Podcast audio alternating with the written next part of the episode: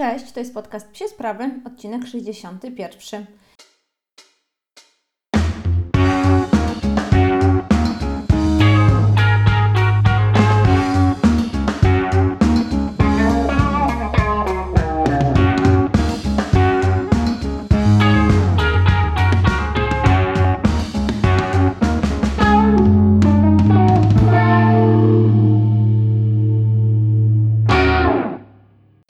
Was serdecznie w nowym roku. Mam nadzieję, że spędziliście święta spokojnie, z rodziną, czy jak tam wolicie, każdy po swojemu. Ważne, żeby były one dobre dla Was. Mam nadzieję, że mieliście też spokojny nowy rok. My mieliśmy bardzo spokojny. E, spędziliśmy Sylwestra i kilka dni przed i po w super miejscu, które od razu chciałabym Wam tutaj polecić, bo naprawdę z czystym sercem e, mogę. Dom dla siebie, znajdziecie ich na Instagramie to dom pod Łomżą, czyli na granicy tak naprawdę Kurpi i Mazur. Naprawdę jest to świetne miejsce, przystosowane do psów pod każdym kątem. Jest to bardzo duży dom z gigantyczną posesją w całości ogrodzoną. Na samej posesji nie ma żadnych miejsc, które uznałabym za niebezpieczne dla psów.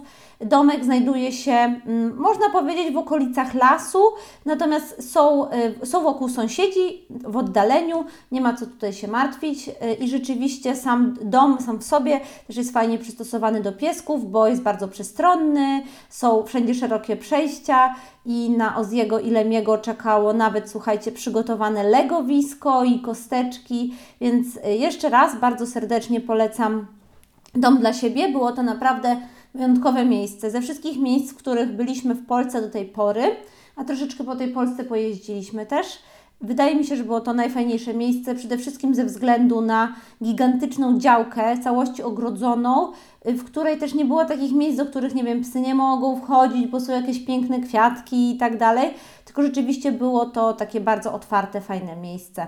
Więc jeśli szukacie jakiegoś miejsca na wyjazd, wakacyjny, czy nie tylko, jeśli szukacie miejsca po prostu, żeby odpocząć od miasta, to bardzo Wam polecam. Wiem, że słucha mnie dużo osób z Warszawy i dojazd z Warszawy jest naprawdę super. W dwie godziny można spokojnie dojechać. Wokół macie przepiękne e, lasy, tereny do spacerów, więc naprawdę warto. Polecam jeszcze raz, dom dla siebie. Znajdziecie ich na Instagramie. E, jeśli chodzi o to, co tam u nas słychać, to jeśli śledzicie naszego Instagrama, to na pewno zauważyliście ostatnią sytuację, która nam się przytrafiła, czyli wypadek Lemiego. To jest sytuacja z ostatniej niedzieli, czyli prawie tydzień temu. I wiem, że dużo osób mnie o to pytało, więc uznałam, że zamiast opisywać jakoś bardzo dokładnie na Instagramie, to po prostu opowiem Wam tutaj. Nie jestem dumna z tej historii, bo rzeczywiście najprawdopodobniej to jest po prostu moja wina, ja tak uważam no ale od początku. Byliśmy z naszą przyjaciółką Wiktorią na spacerze pod Warszawą na pod Łomienkami, tak można powiedzieć. My tam mamy takie swoje miejsce spacerowe. Raczej się nim nie dzielimy, bo chcemy, żeby zostało tajne, bo jest super. I mamy tam nawet spoko parking, co wiecie, super rzadko się zdarza.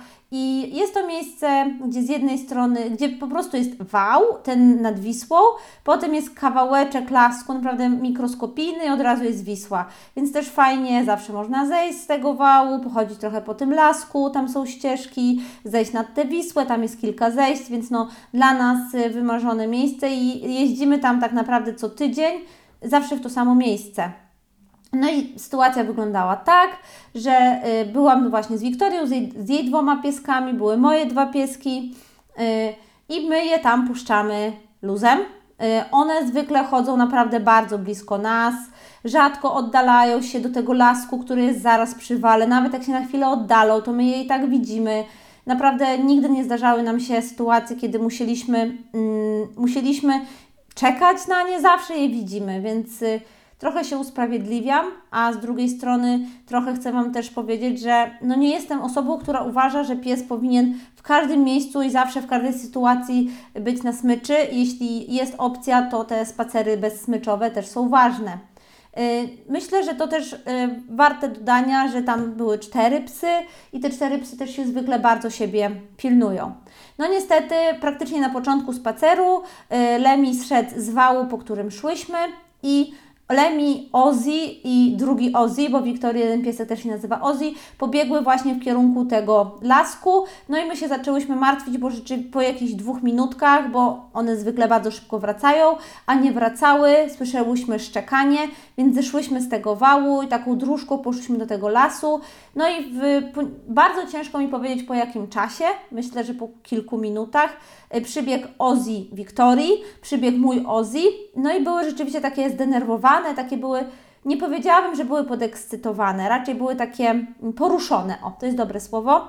No i za chwilę przybiegł Lemi i muszę Wam y, powiedzieć jedną rzecz, którą Lemi robi. Lemi często rzeczywiście bardzo szybko sobie gdzieś tam gania, biega i on y, jest takim psem, który potrafi w pewnym momencie się położyć po prostu, żeby odpocząć w trakcie spaceru. I nas to nie zdziwiło, więc Lemi przybiegł, my już tam, wiecie, trochę byłyśmy złe, że go nie było dłużej niż zwykle.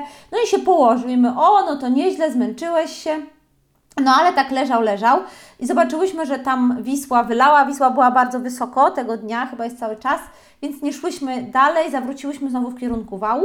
No i Lemi nie chciał iść. Yy, no więc podeszłyśmy do niego, sprawdziłyśmy łapki, jakiś to był nasz y, pierwszy, pierwszy trop i też był w ubranku, nic nie było widać, żadnych ran i tak dalej. I potem mm, go podniosłyśmy, w sensie tak wiecie, no nie, nie chcę powiedzieć, zachęciłyśmy go, żeby wstał.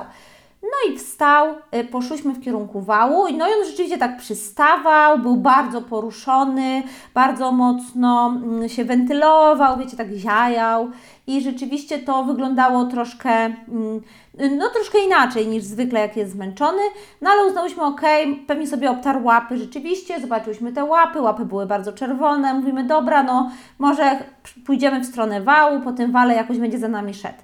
No i on za nami szedł i my pamiętajcie, cały czas nic nie widziałyśmy, żadnych urazów, wszystko było ok, on też szedł za nami.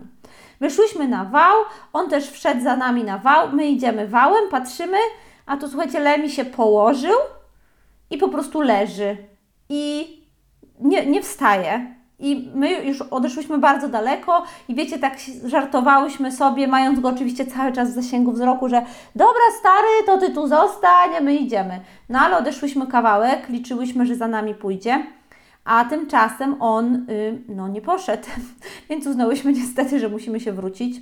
I w tym momencie Wiktoria próbowała go podnieść, żeby go nieść, żebyśmy go niosły we dwie. Ja go wcześniej podnosiłam, tam nic nie było i on zapiszczał. I Wiktoria odsłoniła ubranko, no i niestety naszym oczom ukazała się dziura. Teraz już mi ciężko powiedzieć, jak duża była to dziura, na pewno kilka centymetrów. I ona była, słuchajcie, w pachwinie, na tej skórce jakby, która łączy y, udo z brzuchem, tak można powiedzieć. Pewnie sobie wyobrażacie, które to miejsce. Y, no i oczywiście Szczerze mówiąc, w tamtym momencie, chyba przez to, że w ogóle nie leciała krew, w ogóle, więc musiało to minąć, to co się stało, minąć wszelkie naczynia. Yy, po prostu szybko przeniosłyśmy Lemiego. Też nie było takie łatwe. Miałyśmy trzy nasze psy, musiałyśmy je złapać na smycz. Lemiego niosłyśmy, to jest 17 kilo. Wiecie, które się nie niesie w dla siebie wygodny sposób, tylko po prostu taki, żeby mu tam dalej nic nie uszkodzić. No i pojechałyśmy do weterynarza. Już nie chcę tego dalej przeciągać, wiem, że długa jest ta historia, jak tak sobie sama patrzę na zegarek. E, pojechałyśmy do weterynarza, byłyśmy akurat w, u weterynarza Wetka e, na Białołęce, bo tak mi tam Wiktoria poradziła, że jest po prostu, wiecie, klinika, więc być może będzie chirurg. No i okazało się, że rzeczywiście rana jest na wylot, na wylot pachwiny z obu stron.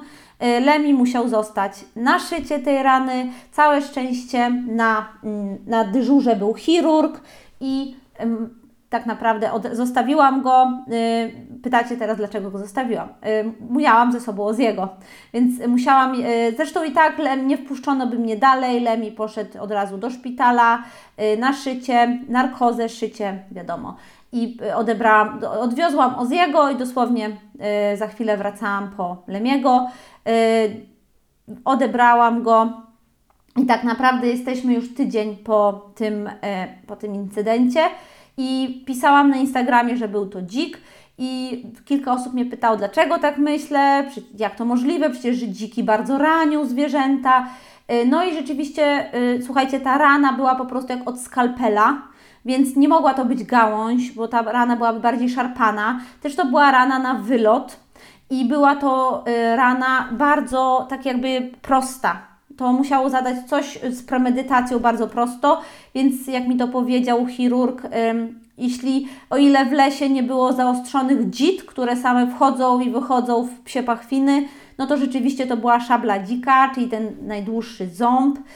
I polecam Wam mm, znaleźć sobie na Google, wpisać właśnie szabla dzika i wygląda to rzeczywiście jak śmiercionośne narzędzie. I wszyscy mi powtarzają, y, którzy też już mieli styczność z dzikami i tak dalej, że po prostu, słuchajcie, Lemi miał gigantyczne szczęście. Gigantyczne. I tylko mm, tak naprawdę to, że jest w doskonałej kondycji, że jest super skoczny, mega szybki i tak dalej, go uratowało. A jeszcze kolejnym takim potwierdzeniem, że pewnie był to dzik, był taki argument, y, kolega w pracy, właśnie w ogóle byłam z Lemciem w pracy jednego dnia, bo cały czas go pilnujemy, żeby tu się nie lizał, więc pojechał ze mną do pracy. I kolega mi opowiadał, że właśnie y, jego znajomi, którzy też polują, ale mają też psa, który kiedyś niestety został przez dzika, no jakby to powiedzieć, zabity, można tak bardzo mocno poraniony, że dziki mają taką jakby naturalną metodę, no niestety obrony, no bo pewnie Lemi z Ozim i z drugim Ozim pewnie pobiegły tam na niego szczekać. Y, mają taką naturalną metodę samoobrony, w której po prostu celują, uwaga, dokładnie w to miejsce, w którym Lemi miał ranę, gdyż wiedzą, że tam zwierzę ma y, pachwinę, ma, y, ma duże naczynia krwionośne, ma duże żyły i po prostu tam te zwierzę, jeśli dzik jest atakowany, jeśli on y, się będzie bronił i zaatakuje w to miejsce, to zwierzę się wykrwawi. Więc to był kolejny argument, że to był dzik. Y, no i niestety y, Lemcio ma teraz dosyć sporo szwów. Myślę, że ma ich około 20, też tak nie liczyłam, a nie mam wypisane na tym wypisie z, od weterynarza. Natomiast słuchajcie, jest naprawdę, po pierwsze tak, Lemi nie chodzi w ogóle w kołnierzu. Ja siedzę z nim cały czas w domu. Jeśli mnie nie ma, siedzi mój mąż. Zrobiliśmy jeden test dosłownie na 10 minut, wypadł dobrze, więc potem był test na pół godziny i więcej nie testujemy. E, Lemi był ze mną w pracy, ale poza pierwszym czy tam drugim dniem, kiedy rzeczywiście był taki obolały, był przestraszony i może trochę gorzej się czuł, to czuję się, słuchajcie, świetnie. Wczoraj byliśmy nawet na takim ciut dłuższym spacerku pod Centrum Olimpijskim, więc on naprawdę, gdyby mógł, to już by biegał i szalał. My go tutaj wstrzymujemy i bardzo y, ten ruch mu ograniczamy, bo takie mamy zalecenie. Ale słuchajcie, naprawdę jest super, goi się świetnie, nic nie jest w ogóle zaczerwienione, spuchnięte i co najważniejsze, on się tym w ogóle nie interesuje. To jest dla nas szok, ale no tak jest. Y, mamy też y, schizę trochę w nocy, bo mm, na początku się zastanawialiśmy, czy zakładać ubranko i ja w końcu, ja mam bardzo lekki sen y, i ja wiem, że ja bym się obudziła w sekundę, jakbym usłyszała, że się liże, i oczywiście tak było, jak on tam coś się zaczynał interesować, to ja się budziłam, mówiłam mu, że nie wolno i on przestawał, szedł spać, więc słuchajcie, jestem w szoku i y, że udało nam się wytrwać tak długo bez kołnierza i ubranka i naprawdę ta rana chyba dlatego ma szansę się tak dobrze tutaj zagoić, bo rzeczywiście oddycha po prostu i nie jest niczym zasłaniana. W pracy, jak był ze mną, no to był w ubranku i chodzi oczywiście na podwórku w ubranku i te temperatury bardzo niskie, które były, pewnie mu trochę dawały się we znaki, no bo ma tam bardzo dużo też wygolonej tej nóżki. Y, teraz to już ładnie wygląda, więc po prostu Wam pokażę. Kurczę, zbieram się do 15 minut tej historii, ale chciałam Wam o tym opowiedzieć, bo wiem, że pytacie dużo i zastanawiacie się, jak to się stało, więc ta, dokładnie stało się tak. Natomiast nie martwcie się, Lemi naprawdę znosi to świetnie. Nawet dzisiaj rozmawialiśmy z Igorem, że no bardzo dobrze sobie z tym radzi i oby tak dalej. Oby, oby tak to się wszystko skończyło, bo mogło się skończyć tragicznie i naprawdę yy, ja traktuję to w kategoriach cudu, że zdarzyło się tak i że jeszcze, słuchajcie, to się zdarzyło w czasie, kiedy nie mamy treningu, bo mamy roztrenowanie, więc mamy tutaj jakieś dziwne szczęście. No właśnie, jeśli chodzi o roztrenowanie, to teraz w ramach Flybola mamy taki miesiąc co roku, którym nie trenujemy, tylko pieski mogą spokojnie się regenerować. Y, taki miesiąc jest niezwykle potrzebny, jeśli chodzi o, y, o psich sportowców, ale nie tylko. I o tym mówiłam y, w odcinku o regeneracji psiego sportowca, więc odsyłam Was tam, bo to jest ważny temat. I zaczniemy budowanie formy na nowy sezon już od y, lutego. I tutaj sytuacja będzie trochę ciekawsza, bo y, wyjeżdżamy na dłuższy urlop. Mm, wylatujemy, będziemy w Azji i w tym czasie Lemcio będzie u Wiktorii, ale Wiktoria będzie z nim y, ćwiczyła, będzie z nim też chodziła na treningi, więc mam nadzieję, że ten powrót do formy też gdzieś tam będzie zaadresowany przez nią. Wierzę, że na pewno Wiktoria to jest pilną psią opiekunką, więc na pewno się dobrze nim zajmie. Y, a zawsze pytacie, więc odpowiadam, y, Ozzy będzie u mojej mamy, tam się super czuje, ma tam suczkę mojej mamy do towarzystwa, więc on będzie tam, więc będą rozdzieleni. Nie martwcie się, urlop jest dłuższy, bo urlop będzie trwał miesiąc, ale będą pojawiały się odcinki i newsletter. Właśnie chyba przez to, że nie będę miała na głowie psów, nie będę miała na głowie pracy, to będę mogła się wreszcie skupić i nagrać dla Was jakieś nowości, więc bardzo y, duże nadzieje pokładam w tym urlopie. No właśnie, i teraz kilka kwestii technicznych. Zapraszam Was serdecznie do zapisów na newsletter. Wszystkie osoby, które zapisały się ostatnio, już wiedzą, jaki webinar y, będziemy niedługo ogłaszać. I y, tym, ten, na ten newsletter można zapisać się przez mojego Instagrama. Tam w bio macie linki i można się spokojnie zapisać. Naprawdę nie wysyłam dużo treści.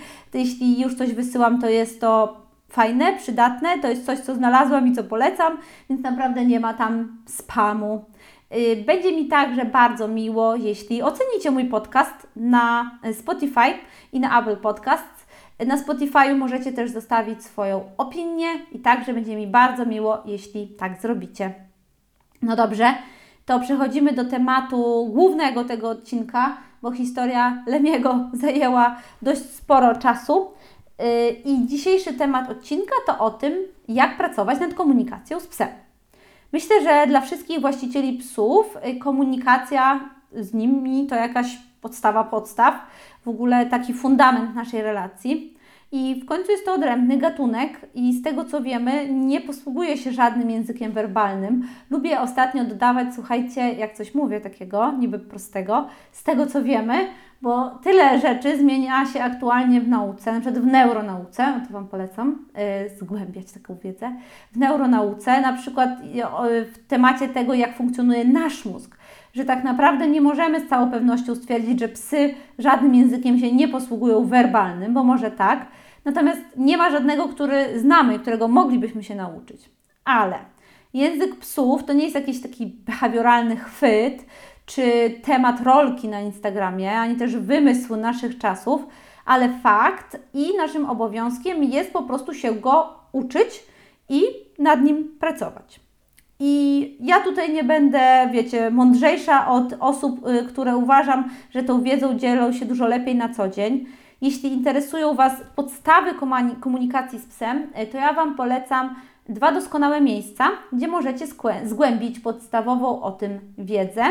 I ja bardzo dużo się uczę od tych osób i bazuję na ich wiedzy, także jeśli przygotowuję coś dla Was. I zacznę tutaj od Przedszkola czy Wojtków Szkolenia. To są dwie instytucje prowadzone przez Zosię i Piotrka Wojtków. Bardzo, bardzo polecam ich webinary, polecam ich książki i e-booki i polecam oczywiście social media, które prowadzą też w bardzo przystępny, ciekawy sposób. I jeśli y, szukacie takich podstaw, podstaw naprawdę, jeśli na przykład dopiero adoptowaliście psa, kupujecie psa, czy zastanawiacie się nad tym, to y, polecałabym zacząć od Słuchając Psa, to jest ich książka, ona też jest chyba w formie e-booka, która naprawdę daje bardzo solidne podstawy do rozumienia tej psiej komunikacji. I tam dowiecie się przede wszystkim, jak odczytywać sygnały, które dla nas teoretycznie nie mają znaczenia, a psy się przez nie porozumiewają, jak lepiej zrozumieć swojego psa, ale też, co dla mnie bardzo ważne, jak psa wspierać. Wspieranie psa to jest w ogóle temat, który dla mnie jest y, takim jednym z najważniejszych w relacji z psem bo mieszkamy w mieście, nie mamy takich warunków w 100% komfortowych i to, co możemy zrobić, to właśnie naszego psa w tych warunkach wspierać. I drugi profil, y, to jest słuchajcie, profil oczywiście dogłębnie, aż dziwnie reklamować moją przyjaciółkę, ale psie rozmówki, które Karolina prowadzi na Instagramie i które opisuję Wam, to jest prawdziwy hit, ja tak uważam. Yy, I ona wkłada w to mnóstwo pracy, sama coś o tym wiem. I Lemcio był kilka razy ich gwiazdą. Nie zapomnę, jak Karolcia wrzuciła właśnie kiedyś wideo yy, zabawy Salomika z Lemim i tam klatka po klatce opisała, dlaczego to jest idealna zabawa między dwoma przyjaciółmi. I Karolina doskonale tłumaczy przede wszystkim, y, jak te poszczególne zachowania mogą być, mogą być, no bo wiecie, my tak do końca nie wiemy, mogą być tłumaczone, mogą być może przetłumaczone na jakieś psie emocje. I druga rzecz u Karoli to są duety i to jest psia komunikacja na żywym organizmie, y, ale w takich kontrolowanych i bezpiecznych warunkach więc bez obaw, y, Karolina, to, jest, to są po prostu spacery, ale to nie są spacery równoległe, tak w takim bardzo mm, oczywistym znaczeniu tego słowa. To są y, raczej y, spotkania psie, w których y, dobierane są specjalnie pary, czyli jeśli zgłosicie się na taki duet, to macie dobranego do swojego psa, psa, który w jakiś sposób ma mu pomóc. Te psy nawzajem często mają sobie pomóc, mają w jakiś sposób te relacje, y, relacje swoje z innymi psami poprawić. No bo rzeczywiście do Karoli bardzo często trafiają psy, które mają problemy po prostu w relacji z innymi. I te spotkania z innymi mądrymi psami, psami, które też mają, słuchajcie, swoje problemy, ale na przykład w danym obszarze sobie świetnie radzą, no, są w stanie rzeczywiście mm, zbudować jakąś taką nową pewność siebie i umiejętności u Waszego pieska. Karolina super na bieżąco tłumaczy. Ja dodatkowo w jej podejściu bardzo szanuję spokój i takie nieszukanie problemów tam, gdzie ich nie ma. I y, pamiętam, jak ja bardzo często do niej piszę z jakimiś y, moimi, jak to się okazuje, zwykle wyimaginowanymi y, problemami a ona mi mówi, okej, okay, no dobrze, a, a, gdzie jest problem? I zawsze ym, pokazuje mi, ile z zachowania psa to jest też jego charakter. Mi się też bardzo podoba to, że ona traktuje psy nie antropomorfizując jak ludzi, w tym sensie, że psy też mają różne charaktery i my musimy te charaktery szanować. Dobra, więc polecam Wam. Znajdziecie Karolę oczywiście na Instagramie dogłębnie i tam wszystkie szczegóły. A więc jeśli ten punkt jeden za Wami czyli wiecie już co nieco o psiej komunikacji i wiecie, jak pies może się komunikować też z Wami, bo trochę Cię o tym, to teraz może czas na refleksję z Waszej strony. Może powinniście teraz zadać sobie serię pytań, które doprowadzą Was do opracowania takiego pytania głównego, czyli jak wygląda moja komunikacja z psem. Mam tu dla Was, y, z tego co widzę, sześć y, takich pytań podstawowych, ale też pytań, które potem mogą Wam pomóc opracować inne pytania, które zadacie sobie sami w ramach takiej autorefleksji nad tym, jak wygląda ta Wasza komunikacja. Ja zadałabym sobie takie pytania i one są też na pewno związane z tym, że ja dużo pracuję z psami, dużo robię z nimi rzeczy, więc te pytania są wokół mojej interakcji z nimi także w formie pracy.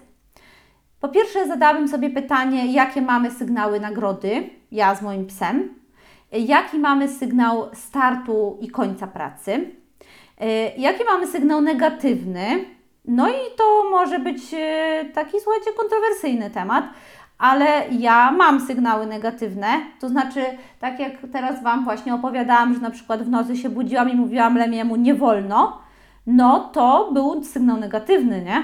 To był sygnał, że mi się nie podoba coś, co robisz. Y, czy oznacza on dużą presję, czy wiąże się z dużą presją? Pewnie wiąże się z jakąś presją. Nie sądzę, że wiąże się na przykład z przemocą. Jakie mamy przywołanie? To kolejne pytanie w kontekście sytuacji Lemiego dość adekwatne. Y, jakie mamy komendy, jakie mamy hasła, y, które stosujemy przy pracy z psem, na przykład jeśli chcemy, żeby usiadł, położył się i tak dalej. Może nie mamy żadnych, to też jest odpowiedź na pytanie, jak dużo pracujemy z psem, prawda?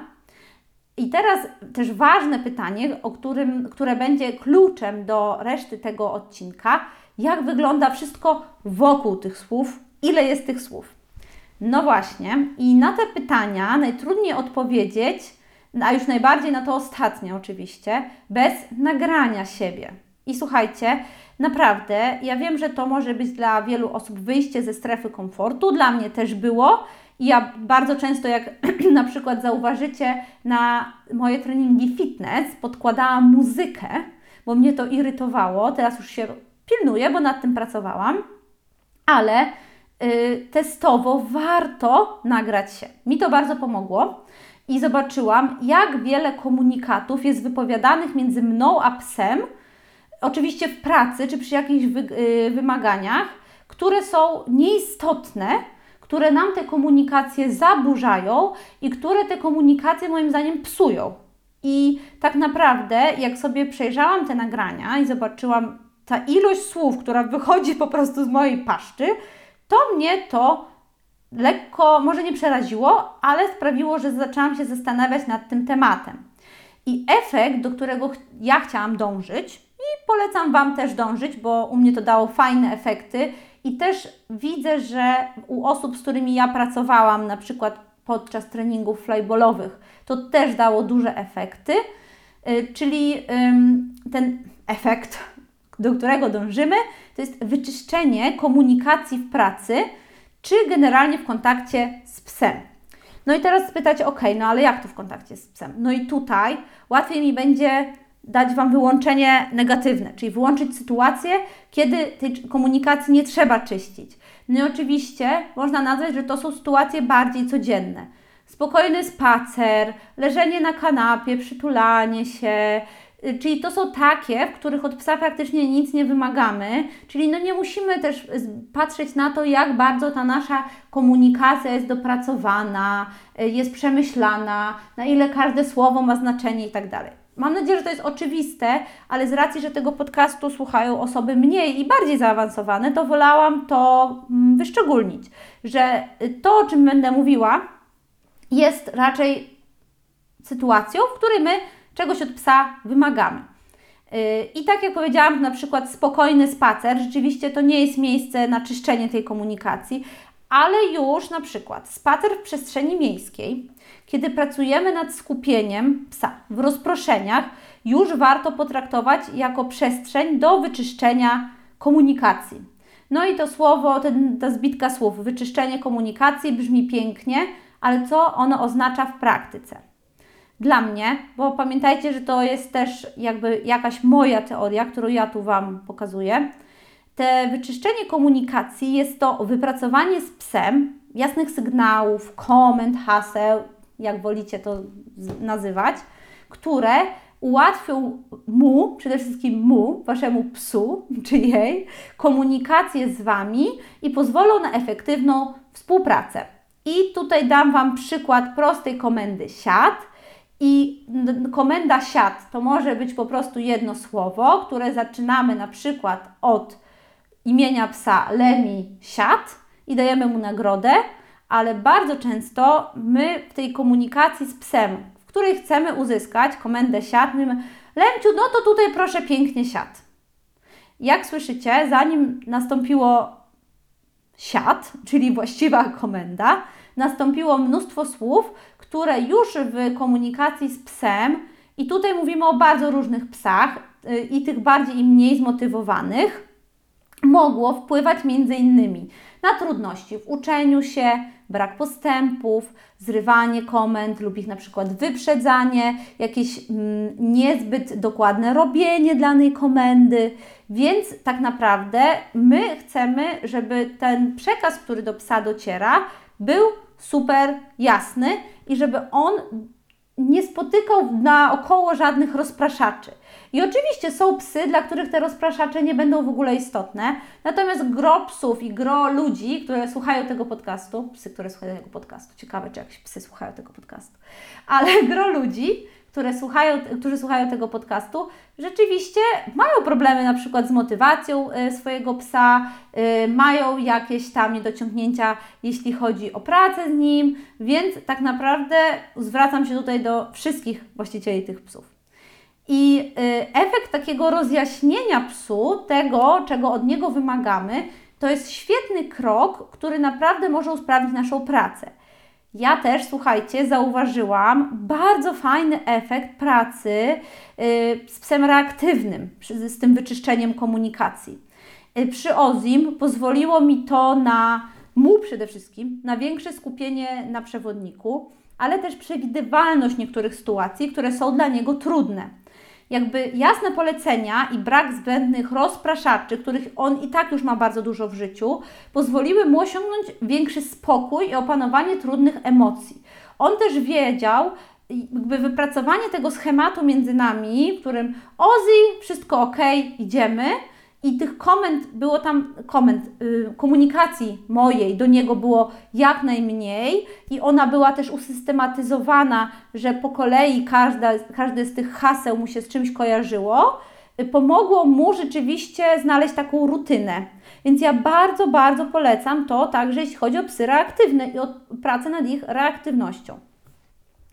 No i tak fajnie się o tym mówi, fajne są te efekty, naprawdę są fajne, ja bardzo polecam. E, ale jak to zrobić? I pierwsza rzecz, no to to jest to, o czym słuchajcie, oczywiście mówiłam przed chwilą, musicie się nagrać, musicie się koniecznie nagrać. I y, musicie potem się odtworzyć i obserwować siebie. Mi to, słuchajcie, ba dało bardzo, bardzo dużo i ja totalnie zmieniłam moje podejście na przykład do fitnessu z moimi psami. I był taki czas, zanim wziąłam Lemiego, kiedy mi tak średnio szło z Ozim na fitnessach i on to bardzo średnio robił. On miał też dosyć kiepską motywację pokarmową i y, tak naprawdę jak zobaczyłam, ile ja do tego biednego psa gadam, ile ja robię ruchów naokoło, bo to też, wiecie, komunikacja niewerbalna, jak ja się zachowuję jak jakaś po prostu postrzelona wariatka, to zrozumiałam, że jemu jest po prostu ekstremalnie ciężko zrozumieć, czego ja od niego chcę. No, ale gdybym nie zobaczyła tego na nagraniu, to pewnie bym tego nigdy nie skumała. Więc bardzo polecam się nagrać. Słuchajcie, też polecam nagrać się w zabawie na przykład. I we wszystkich sytuacjach, w których odczuwacie, że jest coś do poprawy. Bardzo polecam też skorzystać z rady trenera. Spróbujcie lekcji z profesjonalnym trenerem, na przykład specjalizującym się w innej dyscyplinie niż ta, którą uprawiacie.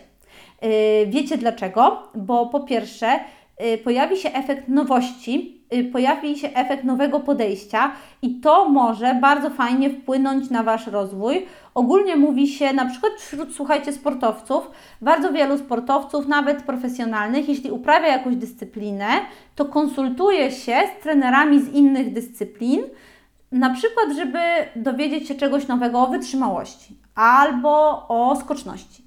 I takie też elementy możecie znaleźć w psich sportach innych niż Wasz, jeśli tutaj trenujecie psie sporty, które mogą bardzo fajnie wpłynąć na, na Was, na Wasz sport, na Waszą komunikację.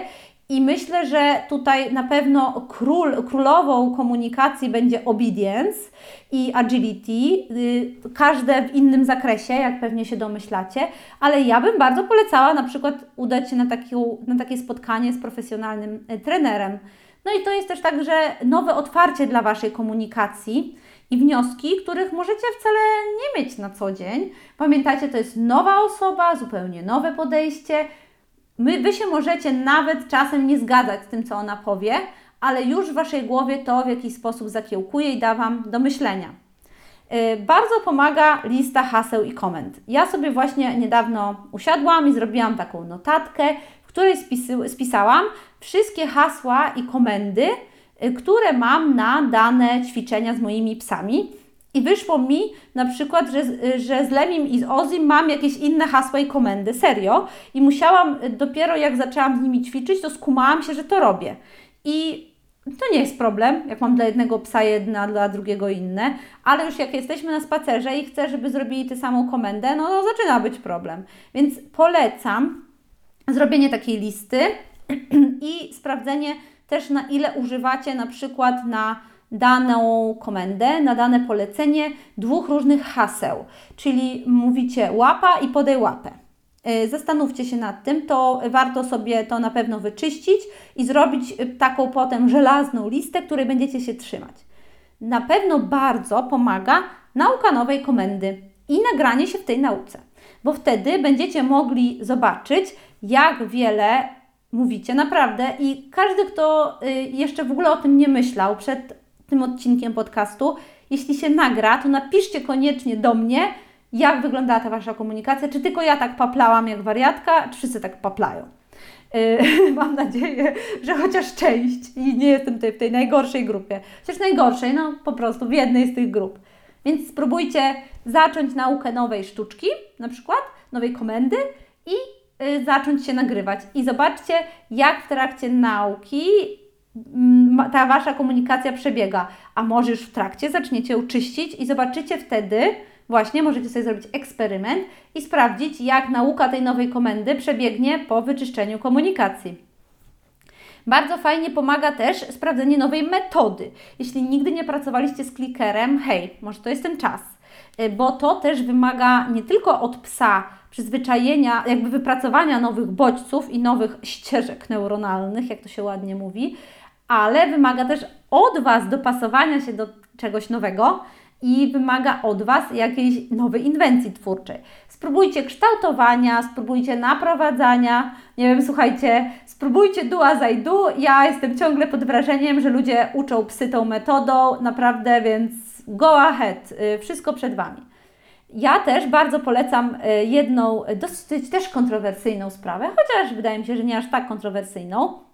Zobaczcie sobie, jak Wasz pies pracuje z inną osobą, a Wy się temu przyglądacie. Ja pamiętam, jak miałam problemy z barkiem, y, to z Lemim biegały różne osoby w drużynie i to było dla mnie interesujące, naprawdę było niesamowite, jak z różnymi osobami Lemi różnie pracuje. I brałam sobie jakieś rzeczy z tej pracy tych osób, właśnie też dotyczące komunikacji, i wprowadzałam do siebie.